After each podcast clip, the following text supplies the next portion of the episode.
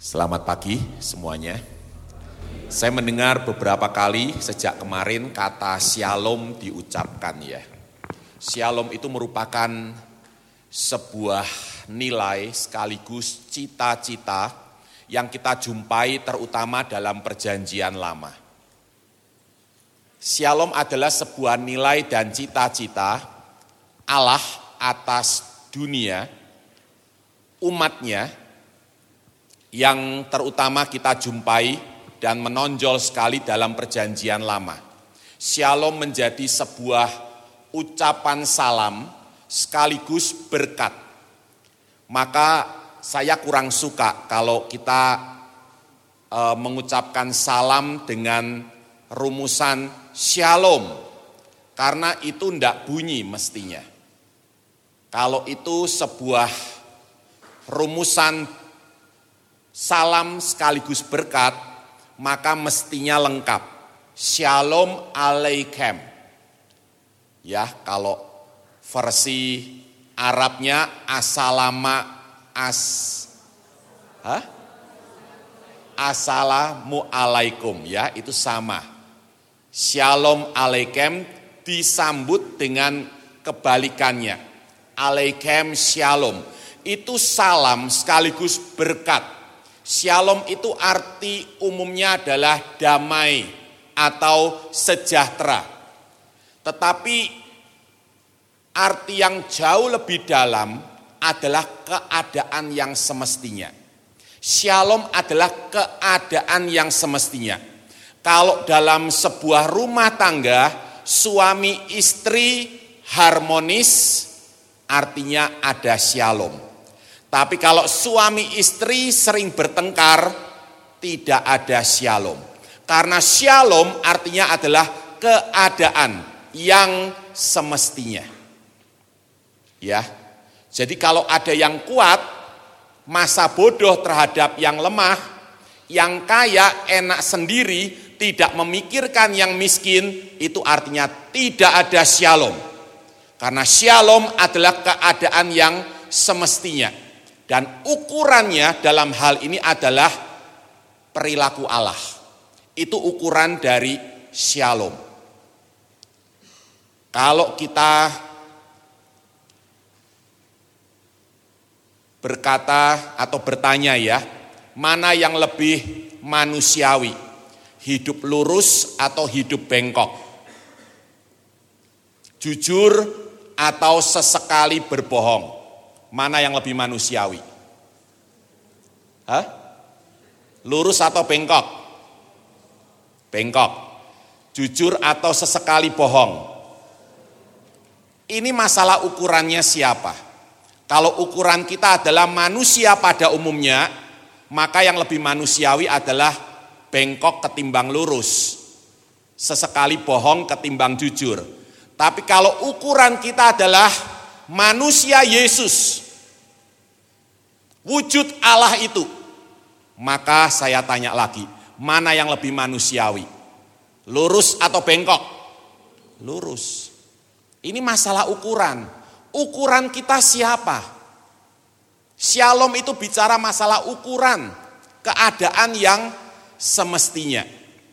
Maka di dalam tradisi gereja kami, shalom itu diterjemahkan ke dalam empat dimensi.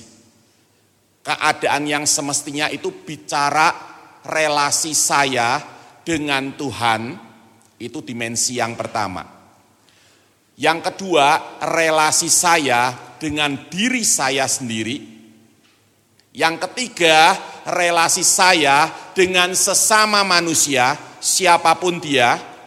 Dan yang keempat, relasi saya dengan alam sekitar. Damai itu bicara harmoni dengan Allah, harmoni dengan diri sendiri, harmoni dengan orang lain, dan harmoni dengan alam. Kita belum harmoni dengan yang mana nih?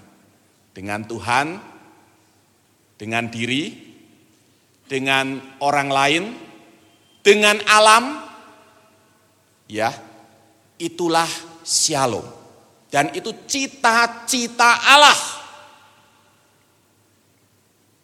Dengan empat dimensi itu, nilai shalom bisa dijabarkan menjadi empat nilai utama.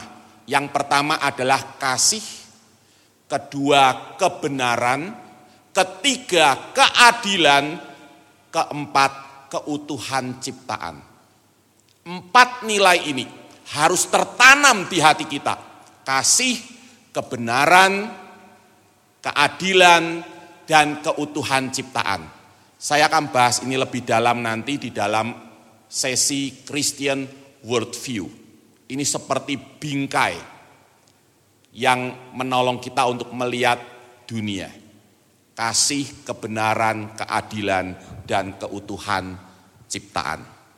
Ya, jadi kalau teman-teman berikutnya menggunakan kata shalom, saya harap dengan pemahaman yang tepat.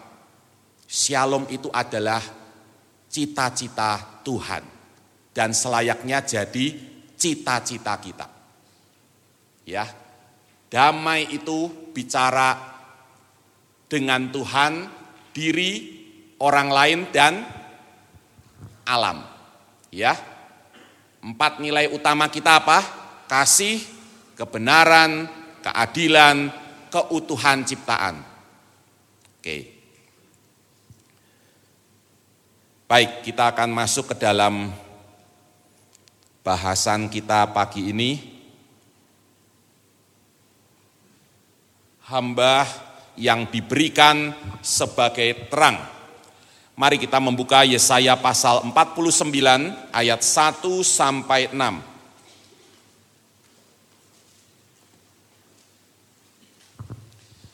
Yesaya pasal 49 ayat 1 sampai 6.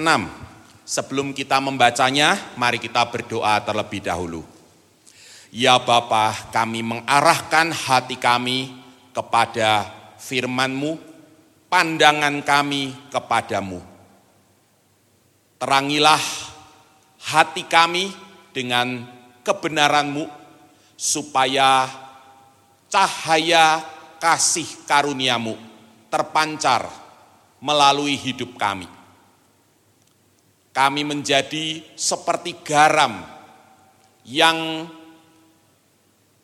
memelihara segala yang baik yang ada di dunia ini. Dan kami menjadi seperti terang yang secara aktif mengusir segala kegelapan dan kami sadar bahwa keasinan dan cahaya kami bukan berasal dari diri kami sendiri, tapi di dalam kerangka kebersamaan dengan Tuhan yang telah mengaruniakan kepada kami hidup dan jati diri yang baru di dalam Kristus. Ya Bapa, bersabdalah, tolonglah hambamu yang lemah dan terbatas ini untuk menyampaikan firman-Mu apa yang tidak jelas menjadi jelas dan apa yang sudah jelas menjadi tegas bagi kami demi kemuliaan-Mu. Demi nama Tuhan Yesus kami berdoa. Amin. Mari kita membaca Yesaya pasal 49 ayat 1 sampai 6. Kita akan baca secara bertanggapan seperti kemarin ya. Dengarkanlah aku, hai pulau-pulau. Tuhan telah memanggil aku sejak dari kandungan. Ia telah membuat mulutku sebagai pedang yang tajam. Ia telah membuat aku menjadi anak panah yang runcing. Ia berfirman kepadaku, engkau adalah hambaku Israel. Tetapi aku berkata, aku telah bersusah-susah dengan percuma.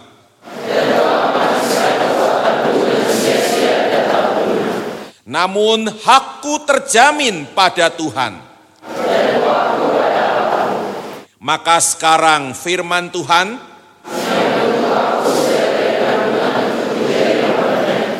untuk mengembalikan Yakub kepadanya. Maka aku dipermuliakan di mata Tuhan. Terlalu sedikit bagimu hanya untuk menjadi hambaku.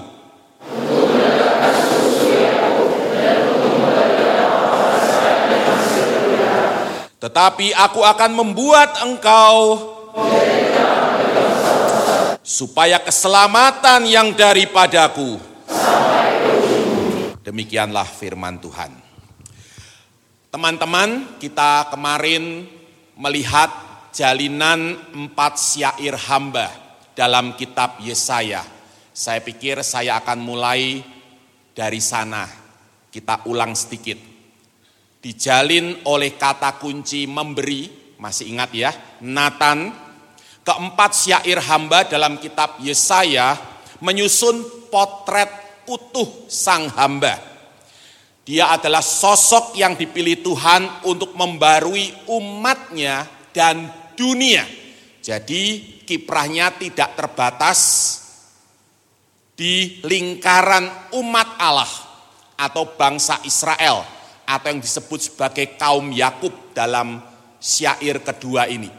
Tetapi menjangkau bangsa-bangsa lain juga. Kita belajar itu kemarin. Hari ini saya mengajak kita untuk menyoroti secara khusus jalinan syair kedua Yesaya 49 ayat 1 sampai 6 dengan syair pertama 42 ayat 1 sampai 4. Setidaknya ada dua titik simpul di sana. Yang pertama adalah dimensi spiritual dari tugas suci sang hamba. Tugas suci itu sudah disampaikan di syair pertama. Tapi diperdalam khususnya dimensi spiritualnya dalam syair kedua. Syair pertama menyatakan bahwa tugas suci sang hamba adalah menyatakan hukum. Masih ingat ya, mispat, keadilan. Artinya apa? Pihak yang paling lemah dan rentan disejahterakan. Bukan diabaikan, apalagi disingkirkan. Itu arti keadilan Menyatakan hukum kepada bangsa-bangsa itu tugas suci sang hamba. Artinya apa? Memperjuangkan kesejahteraan semua orang. Ya, konkretnya kita sudah bahas ini kemarin. Menolong mereka yang dianggap tidak berguna dan tidak berdaya agar berguna dan dapat turut berkiprah di tengah masyarakat. Di gereja tempat saya melayani, Eh, komisi yang melayani dan melayani bersama kaum lanjut usia tidak disebut seperti di gereja lain komisi usia indah. Kami tetap menggunakan nama komisi lansia, lanjut usia. Mengapa? Karena bagi saya yang selama dua tahun terakhir ini menggeluti pelayanan di antara kaum lansia tidak otomatis usia lanjut itu indah. Ya, saya pernah mendatangi seorang kakek di rumahnya, saya tanya, Om, saya sebut dia Om ya, pokoknya kalau di kota Kudus, jarak usia lebih dari 25 tahun, panggil Om. Ya oke.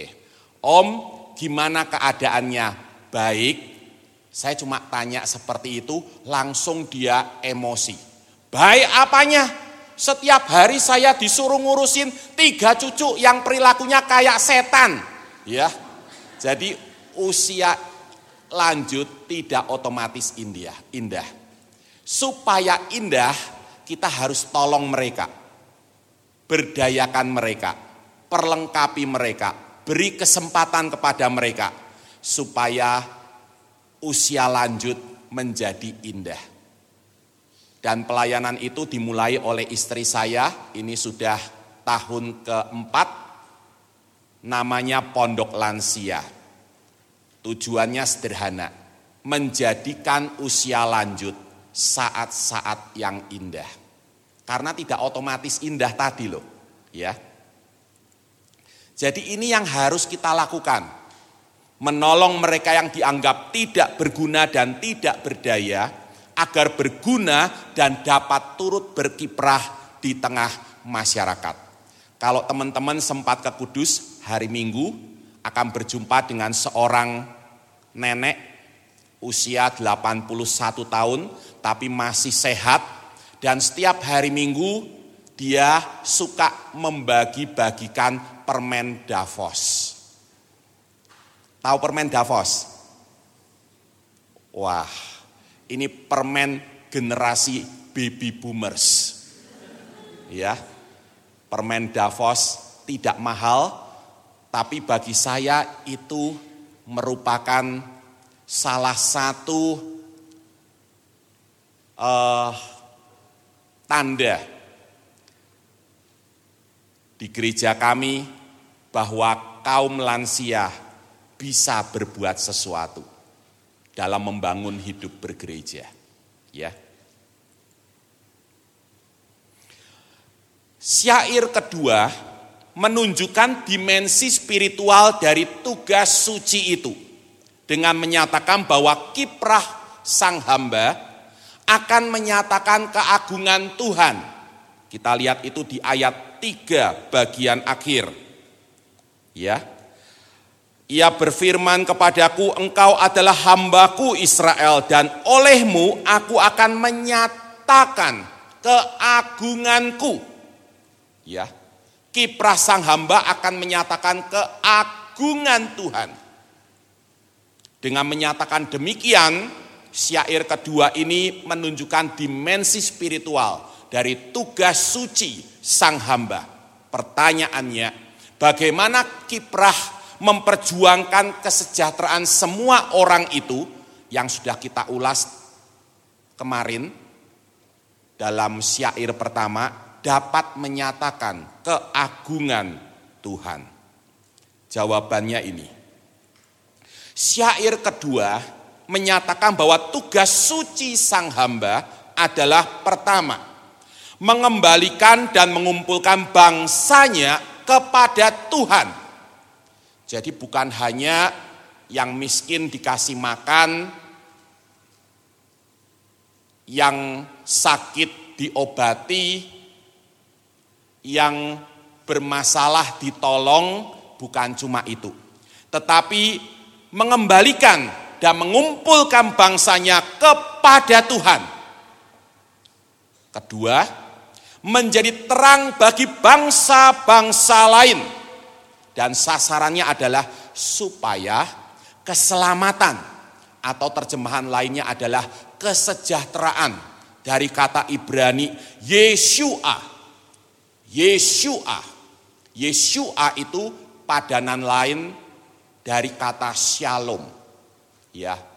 Damai dengan Allah, damai dengan diri, damai dengan orang lain damai dengan alam. Yang daripadaku sampai ke ujung bumi. Perhatikan ya, teman-teman. Di sini kita belajar kesejahteraan yang Tuhan kehendaki dinikmati oleh semua orang itu bukan cuma bersifat lahiriah. Cukup sandang, pangan, papan, dan Ayo. Apa?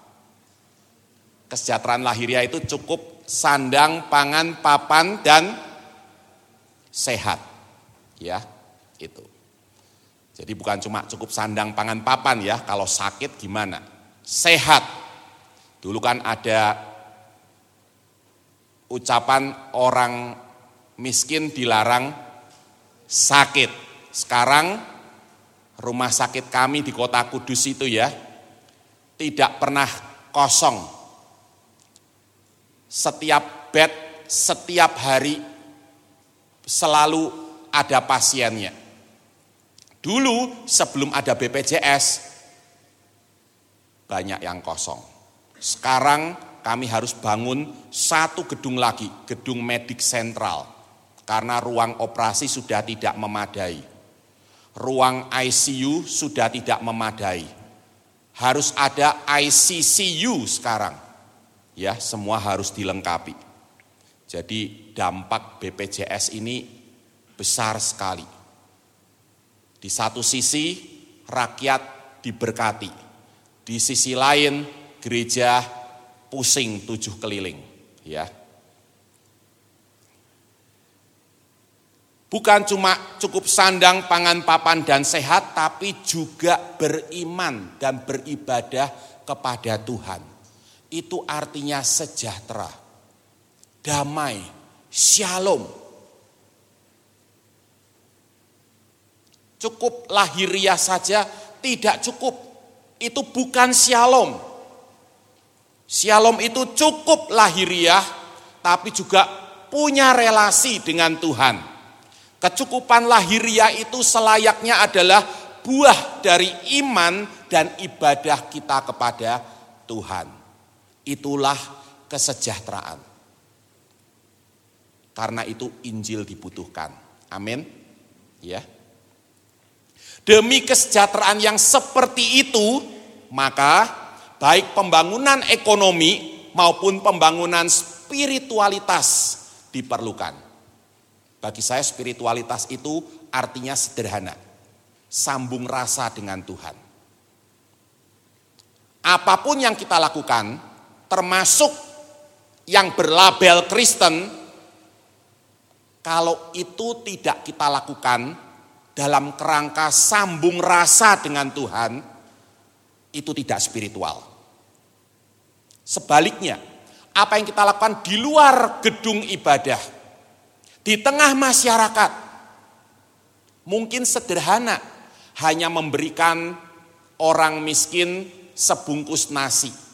Tapi kalau itu kita hayati, sementara kita mengulurkan tangan kita memberikan sebungkus nasi, kita menyadari tangan Allah sedang terulur memberi makan dia. Itu spiritual. Ya. Jadi spiritual spiritualitas itu artinya sambung ras. Enak ya sekarang sudah ada alat-alat seperti ini. Saya ingat dulu waktu awal-awal di Perkantas, Pak Mangapu Sagala sering kirim saya ke apa eh, Kalimantan dan Sulawesi. Yang paling sengsara itu kalau ke Sulawesi, belum ada alat-alat seperti ini mereka mengadakan retreat, saya ingat sekali. Retreatnya itu di alam terbuka, di samping air terjun.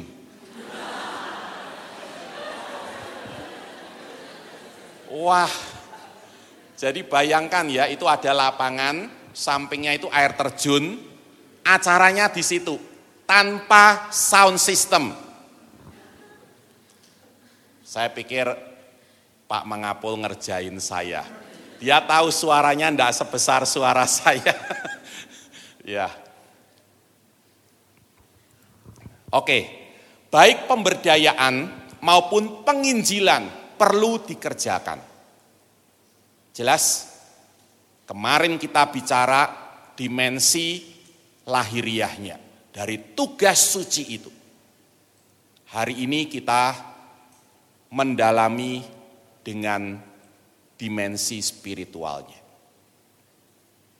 Apa gunanya sejahtera lahiriah tanpa sejahtera batinnya? Tanpa dia memiliki relasi dengan Tuhan, dia tidak akan bertahan.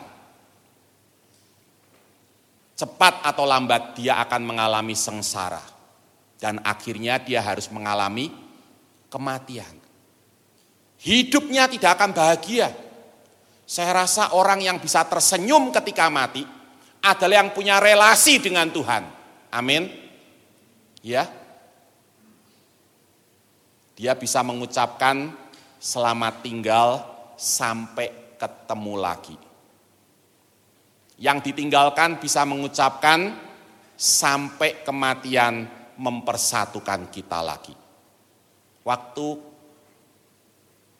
orang menikah, janjinya kan setia sampai kematian memisahkan.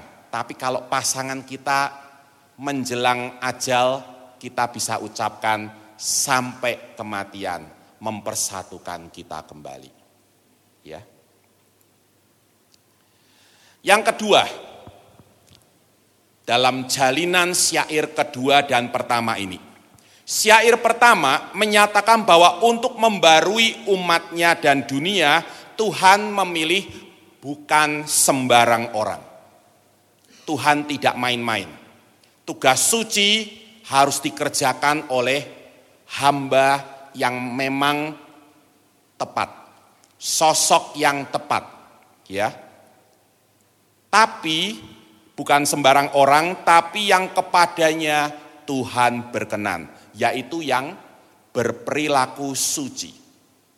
Artinya baik dan benar. Tuhan pilih orang seperti itu untuk menunaikan tugas suci. Memperjuangkan kesejahteraan untuk semua orang dan kesejahteraan itu bukan hanya berdimensi lahiriah, tetapi juga spiritual. Bukan hanya bicara cukup sandang, pangan, papan, dan sehat, tapi punya relasi dengan Tuhan. Pertanyaannya, bagaimana tanggapan sang hamba terhadap pilihan Tuhan atasnya? Apakah dia memegahkan diri karena saya lebih baik dari orang lain, maka Tuhan pilih saya. Ini tugas suci tidak boleh sembarang orang melakukannya.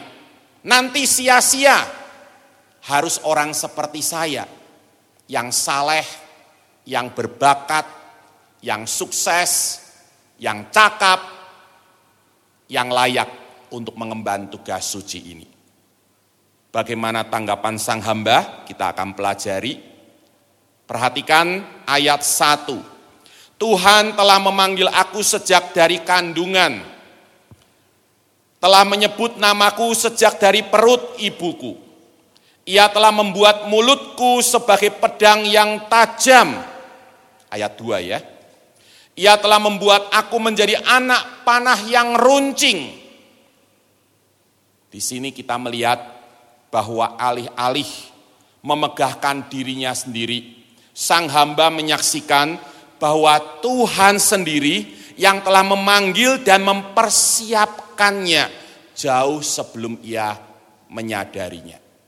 Memang Tuhan tidak memilih secara sembarangan.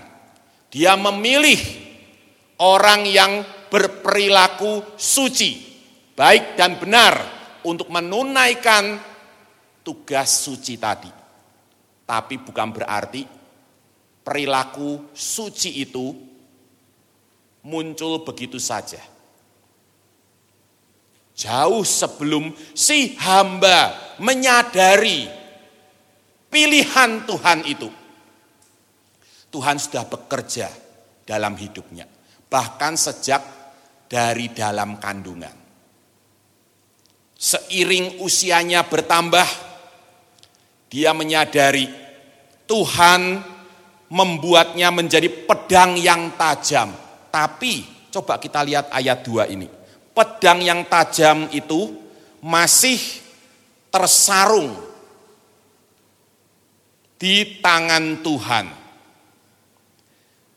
Tuhan membuat aku menjadi anak panah yang runcing, tapi anak panah itu masih tersimpan dalam tabung panahnya.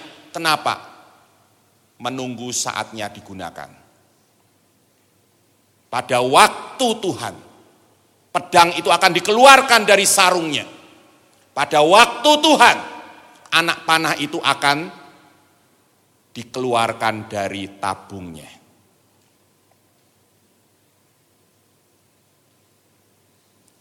Siapa yang memainkan pedang? Tuhan. Siapa yang melepaskan anak panah?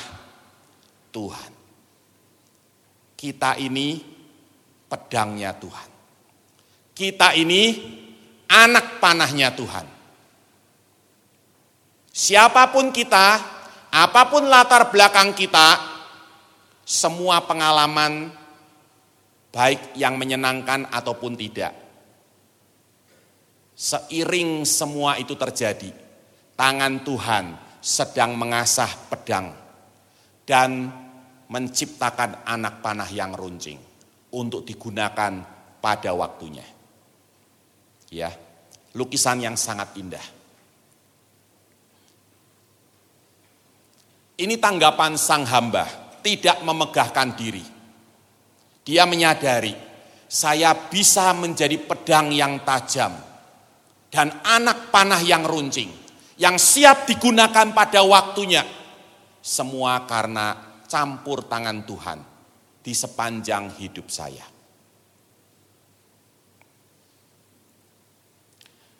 Berikutnya,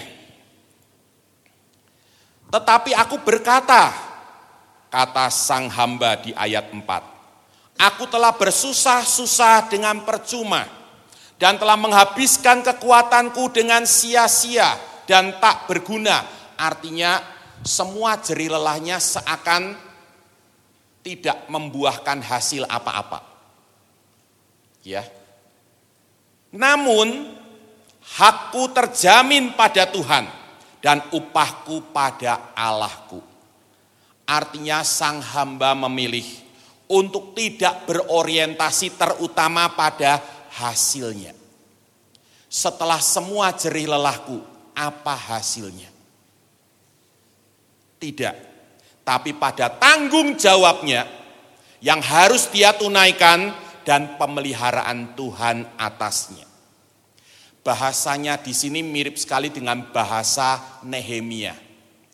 Ketika dia marah, setelah segala jerih lelahnya ternyata fakta yang muncul adalah kehidupan berbangsa di Yerusalem dan sekitarnya tidak seperti yang diharapkannya. Yang kaya memberikan hutang dengan bunga yang besar kepada yang miskin, termasuk para pejabat di sekelilingnya. Cuma Nehemia yang tidak melakukan itu. Dan kita tahu di akhir kitab Nehemia, bait suci yang telah dibangun kembali justru menjadi usaha tempat usaha para imam untuk memperkaya diri mereka. Saya bisa membayangkan ya sedikit banyak betapa kecewanya Nehemia. Dia sudah mempertaruhkan nyawanya, membangun negerinya sedemikian rupa. Tapi seakan semua itu sia-sia. Tembok memang sudah berdiri. Bait suci sudah berdiri. Ibadah sudah terselenggara. Sistem pemerintahan sudah dibuat. Tapi ternyata korupsi dan penindasan kembali merajalela. Buat apa aku lakukan ini semua kalau ujungnya seperti ini? Betul enggak? Ya,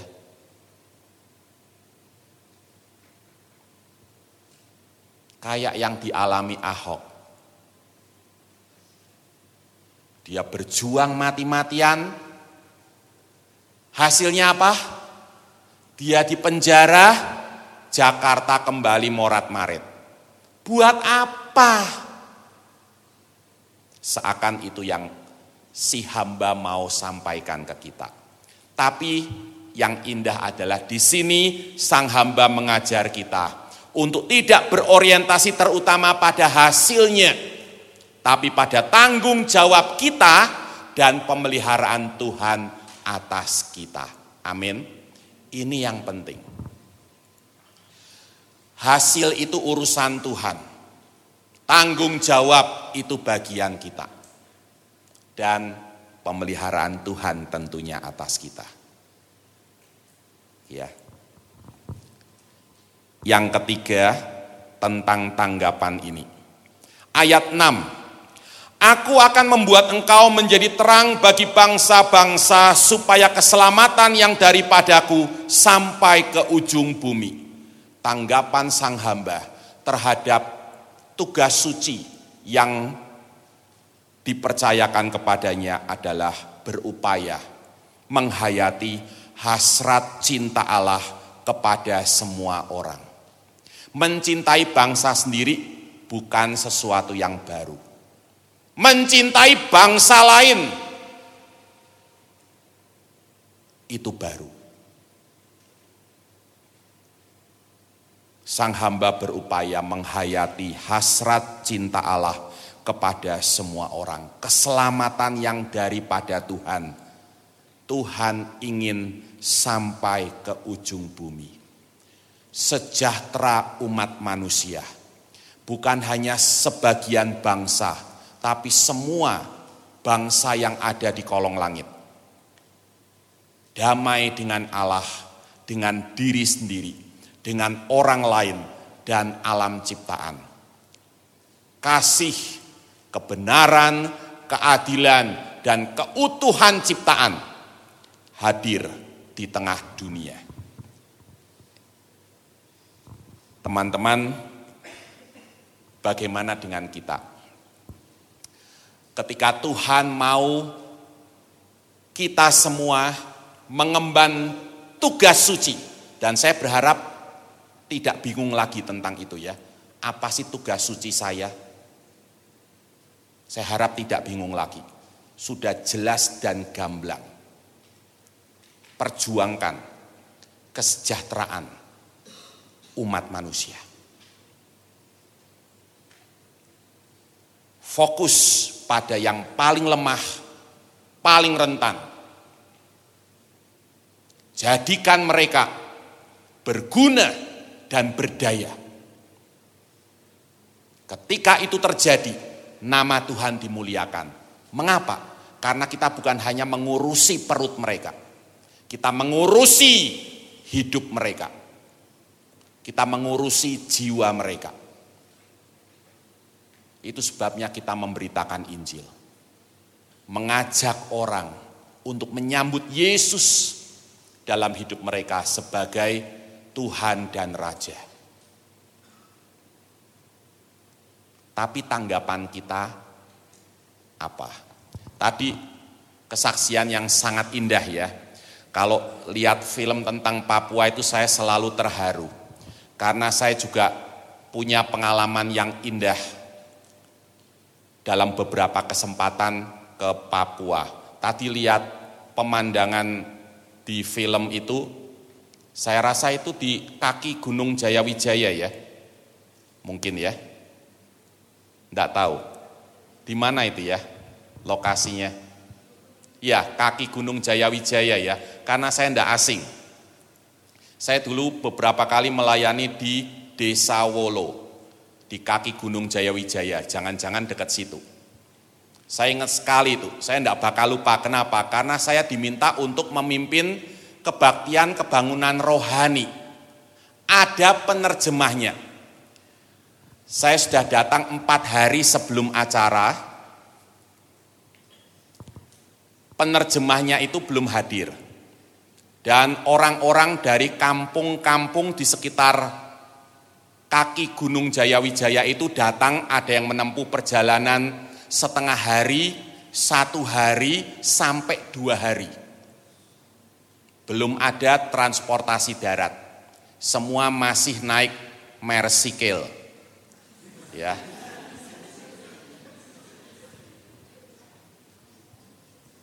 Satu hari sebelum acara, saya mendapat kabar penerjemahnya jatuh dari tebing, kakinya patah.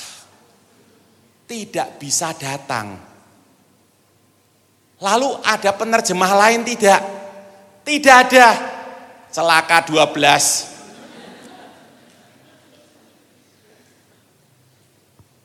Kepala suku di desa tempat saya tinggal juga tidak bisa bahasa Indonesia.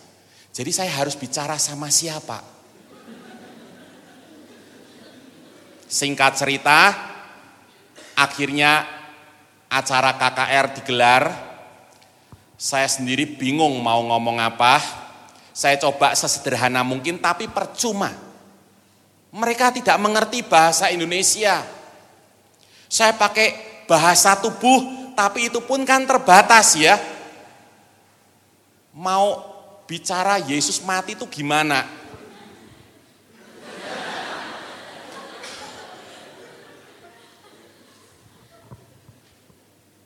Saya tidak bakal lupa. Yang menarik adalah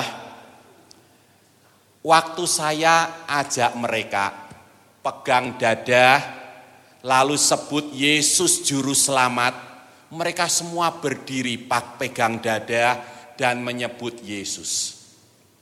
Mereka ngerti atau tidak sampai sekarang misteri buat saya. Tapi saya yakin Tuhan tetap bekerja. Amin. Ya, dengan caranya sendiri Tuhan bisa menolong mereka untuk mengerti. Papua membutuhkan banyak anak Tuhan yang mau menolong rakyat di sana untuk mengenal Tuhan dan ilmu pengetahuan supaya mereka bisa bangkit dari kemiskinan. Dan itu tidak mudah. Kalau teman kita tadi mau cerita panjang lebar, mungkin lebih banyak sakitnya daripada senangnya. Walaupun senang sekali itu nilainya 10 kali sakit, mungkin ya, tapi pasti banyak sakitnya. Orang-orang di pedalaman sering kali perilakunya itu menjengkelkan. Di Wolo ketika saya ada di sana, banyak terjadi kasus perkosaan. Penderita HIV AIDS banyak sekali. Termasuk saya pergi ke sana sama dokter Pinkan. Dokter Pinkan rekan saya ini cantik ya, tapi jiwanya petualang. Sejak hari pertama kami menginjakan kaki di desa itu, kepala suku itu kelihatannya tertarik dengan dokter Pinkan ini. Ditempel terus. Sampai dokter Pinkan merasa risih, lalu minta tolong saya, Pak Erik, pura-pura jadi suami saya.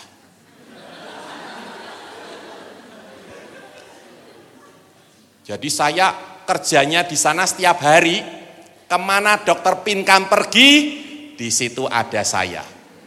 Ya. Perilaku mereka kadangkala bahkan sering kali sangat menjengkelkan. Sulit sekali menolong mereka berubah. Tapi bukannya tidak mungkin. Kuasa Injil sanggup melakukannya.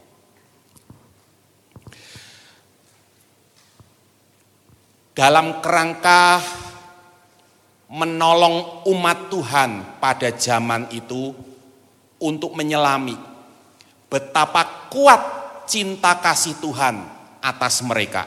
Sang hamba menyampaikan kepada kita lukisan dramatis dari hasrat cinta Allah atas umat manusia.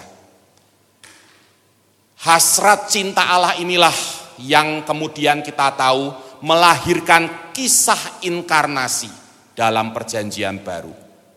Mari kita lihat ayat 15 sampai 16. Yesaya 49 ayat 15 sampai 16. Kita baca kembali secara bertanggapan. Dapatkah seorang perempuan melupakan bayinya? Sekalipun dia melupakannya, lihat aku telah melukiskan engkau di telapak tanganku. Ya. Apa arti lukisan dramatis ini? Terjemahan yang lebih tepat bukan melukiskan. Aku melukiskan engkau di telapak tanganku. Tapi menorehkan. Allah telah menorehkan nama anak-anaknya di telapak tangannya. Lukisan ini diambil dari tradisi kuno yang umum ketika itu. Di mana laki-laki akan menorehkan nama kekasihnya di telapak tangannya. Stefan sudah punya kekasih? Nah, sudah ditorehkan namanya? Kalau sekarang gampang ya pakai pakai alat tulis ya. I love you. Wah. Kalau zaman dulu pakai pisau. Ditorehkan nama sang kekasih di telapak tangan. Artinya ia tidak akan pernah melupakannya. Ia akan menyayanginya sampai mati. Itu tidak akan hilang. Apa yang ditorehkan itu tidak bisa hilang. Demikianlah makna lukisan Allah menorehkan nama anak-anaknya di telapak tangannya. Allah itu seorang pecinta ulung. Dia mencintai umat manusia sedemikian rupa. Dan dia pakai bahasa yang paling dramatis untuk mengungkapkan isi hatinya. Aku menorehkan namamu di telapak tanganku. Artinya aku tidak akan melupakan engkau. Kapan Allah menorehkan nama kita di telapak tangannya? Kita maju ke perjanjian baru. Setelah Yesus bangkit dari kematian, ia menampakkan diri kepada murid-muridnya dan berkata, lihatlah tanganku. Menurut Injil Yohanes, kepada Thomas dia berkata, taruhlah jarimu di sini dan lihatlah tanganku. Dan jangan engkau tidak percaya lagi, melainkan percayalah.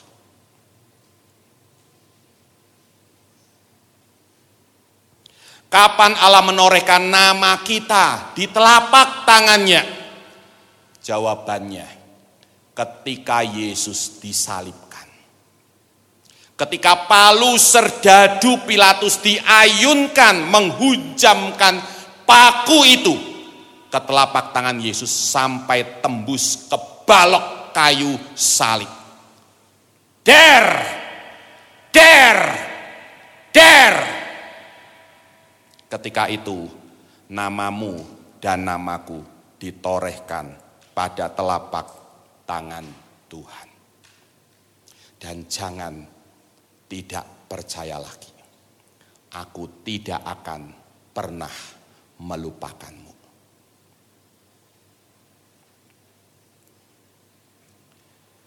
Saya tutup dengan kisah ini. Pada 18 Desember tahun lalu, usai memimpin upacara pemakaman di Dersalam, pinggir kota Kudus, menuju ke tempat kendaraan kami diparkir, saya diberitahu oleh rekan senior saya, namanya Bapak Sakaria Kamsi, dia anggota komisi penghiburan, bahwa ada yang mencari saya. Katanya dia guru saya, sewaktu saya di bangku SMA. Saya melihat di seberang jalan ada seorang perempuan, maaf, agak gemuk dan agak pendek, melambaikan tangannya kepada saya. Lalu saya menghampirinya dan setelah dekat saya merasa tidak asing lagi dengan wajahnya. Dia berkata, masih ingat saya Erik? Ya, saya ingat. Ibu adalah guru SMA saya. Tapi maaf, saya lupa nama ibu. Ya ini memang pahlawan tanpa tanda jasa. Namanya pun dilupakan muridnya. Ibu Dewi jawabnya. Oh iya, Ibu Dewi, ibu guru kimia kami. Dalam hati saya berkata, yang dulu sering kami kerjain. Ibu Dewi menambahkan, masih ingat Erik dulu ada yang menggergaji kaki kursi saya. Sehingga waktu duduk saya terjengkal ke belakang. Waktu saya merasa seperti disambar geledek di siang bolong ya. Kok masih ingat peristiwa itu? Saya aja sudah lupa. Ya rasanya makdek. Dan saya harus mengaku, iya bu, kami yang melakukannya. Kami banyak berbuat dosa sama ibu. Padahal baru saja saya itu kan khotbah di kebaktian pemakaman dan dia hadir. Cuma waktu saya pimpin kebaktian pemakaman, saya tidak melihat dia. Di sisinya ada suaminya. Gantian suaminya yang bertanya, dosa apa saja? Jadi suasananya saat itu langsung bagi saya tak terlukiskan. Jadi bayangkan ya itu suasana di pekuburan. Disaksikan oleh teman-teman komisi PI kurang lebih 15 orang. Pendeta mereka. Dosa apa saja saya pun mengaku kalau saya seringnya menaruh sisa permen karet di kursi ibu. Sehingga kalau ibu berdiri, kursinya ikut berdiri. Nempel kan? Di luar dugaan saya suaminya ini tersenyum. Saya merasa sangat malu Baru saja di tempat pemakaman saya berkhotbah agar apa? Yang meninggal adalah seorang ibu.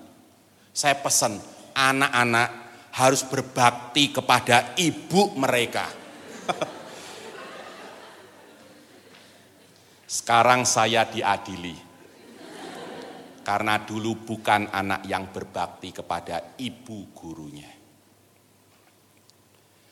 Tapi saya yakin Bukan kebetulan siang itu saya ketemu Ibu Dewi setelah puluhan tahun berpisah. Dan saya tidak tahu dia ada di mana, bahkan saya tidak ingat namanya. Tuhan mengingatkan kepada saya siapa saya dulu. Dulu saya adalah tragedi buat orang lain. Hanya oleh anugerah Tuhan. Sekarang saya bisa berbakti saya bisa menjadi pedang yang tajam, anak panah yang runcing, yang memang untuk sekian waktu lamanya masih ada di sarung dan tabung itu. Sampai saatnya Tuhan mempercayakan tugas suci kepada kita. Siang itu dengan mata berkaca-kaca disaksikan oleh 15 orang jemaat yang melayani bersama saya.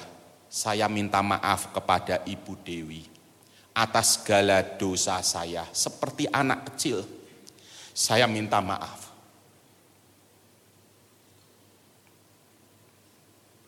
Ibu Dewi tersenyum. Dia peluk saya. Dia ampuni saya. Dan saya tidak pernah melupakan peristiwa itu.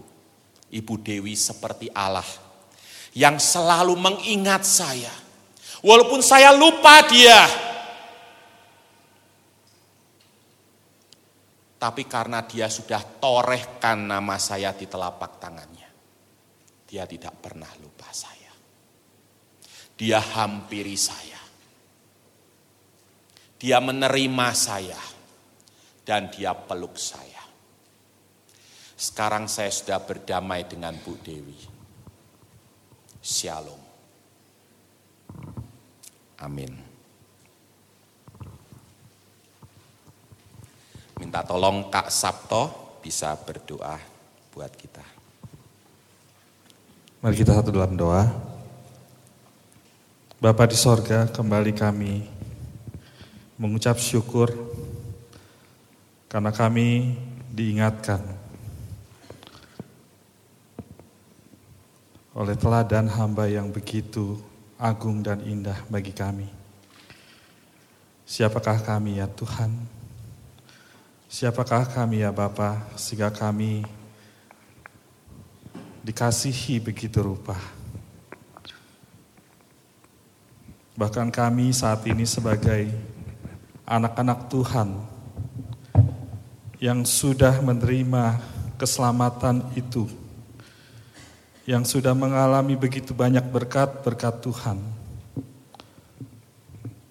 Tetapi kami sadar sesadar-sadarnya bahwa kami masih sering melupakan Tuhan. Kami masih sering tidak ingat Tuhan dalam berbagai kehidupan kami. Kami masih sering menyakiti Tuhan. Kami masih sering mendukakan hati Tuhan. Kami yang seharusnya menjadi alat untuk menghadirkan shalom bagi sekitar kami, sebagaimana Tuhan telah memanggil kami. Kami tidak penuh melakukan itu.